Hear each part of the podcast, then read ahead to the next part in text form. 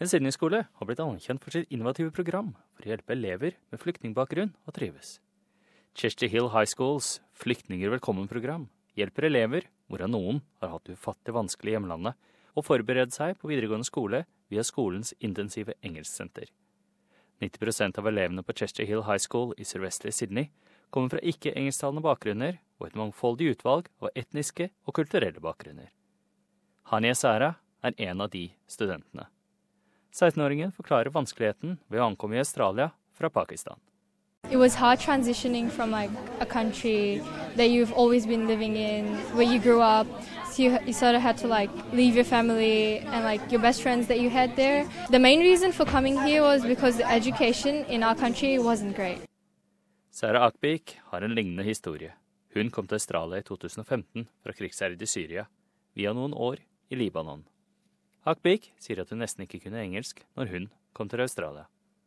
When I first like stepped in the airport, I actually got dizzy because they were all speaking English. I never heard English before. I only heard it in the movies, and I learned like I learned the whole English. Like I didn't even know how to get to um, to uh, any store. I could I couldn't even order food or do anything. Men i de to årene siden hun ankom, har Sara gått langt utover å bestille et måltid. Etter ett års arbeid ved Chester Hill Highs intensive engelsksenter var Sara klar til å gå på videregående skole, og engelsken hennes er nesten perfekt. Akbik har nettopp fullført sin HSC og studerer blant andre fag koreansk, og i løpet av noen få uker er ferdig studert i den australske videregående skolen. Akbik sier at det ikke har vært noen problemer med aksept siden hun kom fra Syria.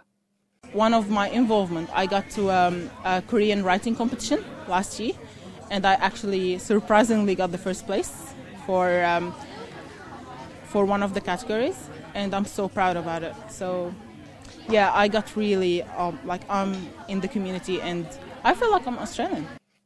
Cheshire Hill High Schools rektor Sina Rabaya sier at skolen har et spesielt fokus på nyankomne. Skolen har blitt berømmet for sin innsats av New South Wales Education Department. Tabaja sier at Chester Hill High fokuserer på å utvikle hele personen, ikke kun eleven. We're a school that has a lot of heart, and the students are just working really hard to try to make a success of themselves. And the teachers are being recognised for the amazing work that they do every day above and beyond the call of duty. Educators have a lot of challenges in the 21st century. They've got a lot of balls that they need to juggle, and um, within our context, we're trying to achieve a holistic approach. So it's not just about um, the academics, but it's about developing the whole student and preparing them for what's going to be a very competitive post school environment. Utdanningsminister i New South Wales, Rob Stokes, sier at den andre runden av den føderale regjeringens ganske finansiering er utformet for å bedre slike tiltak i skolene rundt om i Australia. There are obviously a whole series of challenges uh, that those new arrivals face. So to have one of those common institutions like a New South Wales public school that can root that community and form those connections is absolutely crucial. And that's why it's so important uh, to, to, to celebrate what Chester Hill has done.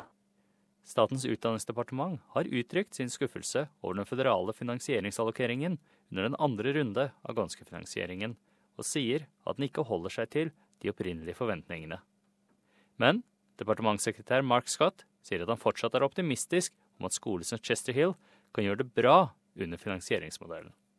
We're putting a lot of the education funding now behind the school fence. So principals have good discretion to fund new programs, to fund new staffing investments if they like, to help drive the teaching and learning outcomes. And I think, in contrast to a long time ago, principals in government schools now have more funding, more discretionary funding, and more opportunities to invest in priority areas for their local students. 95 millioner dollar har blitt tildelt for de neste fem årene med midler dedikert til å hjelpe flyktninger som bosetter seg i New South Wales.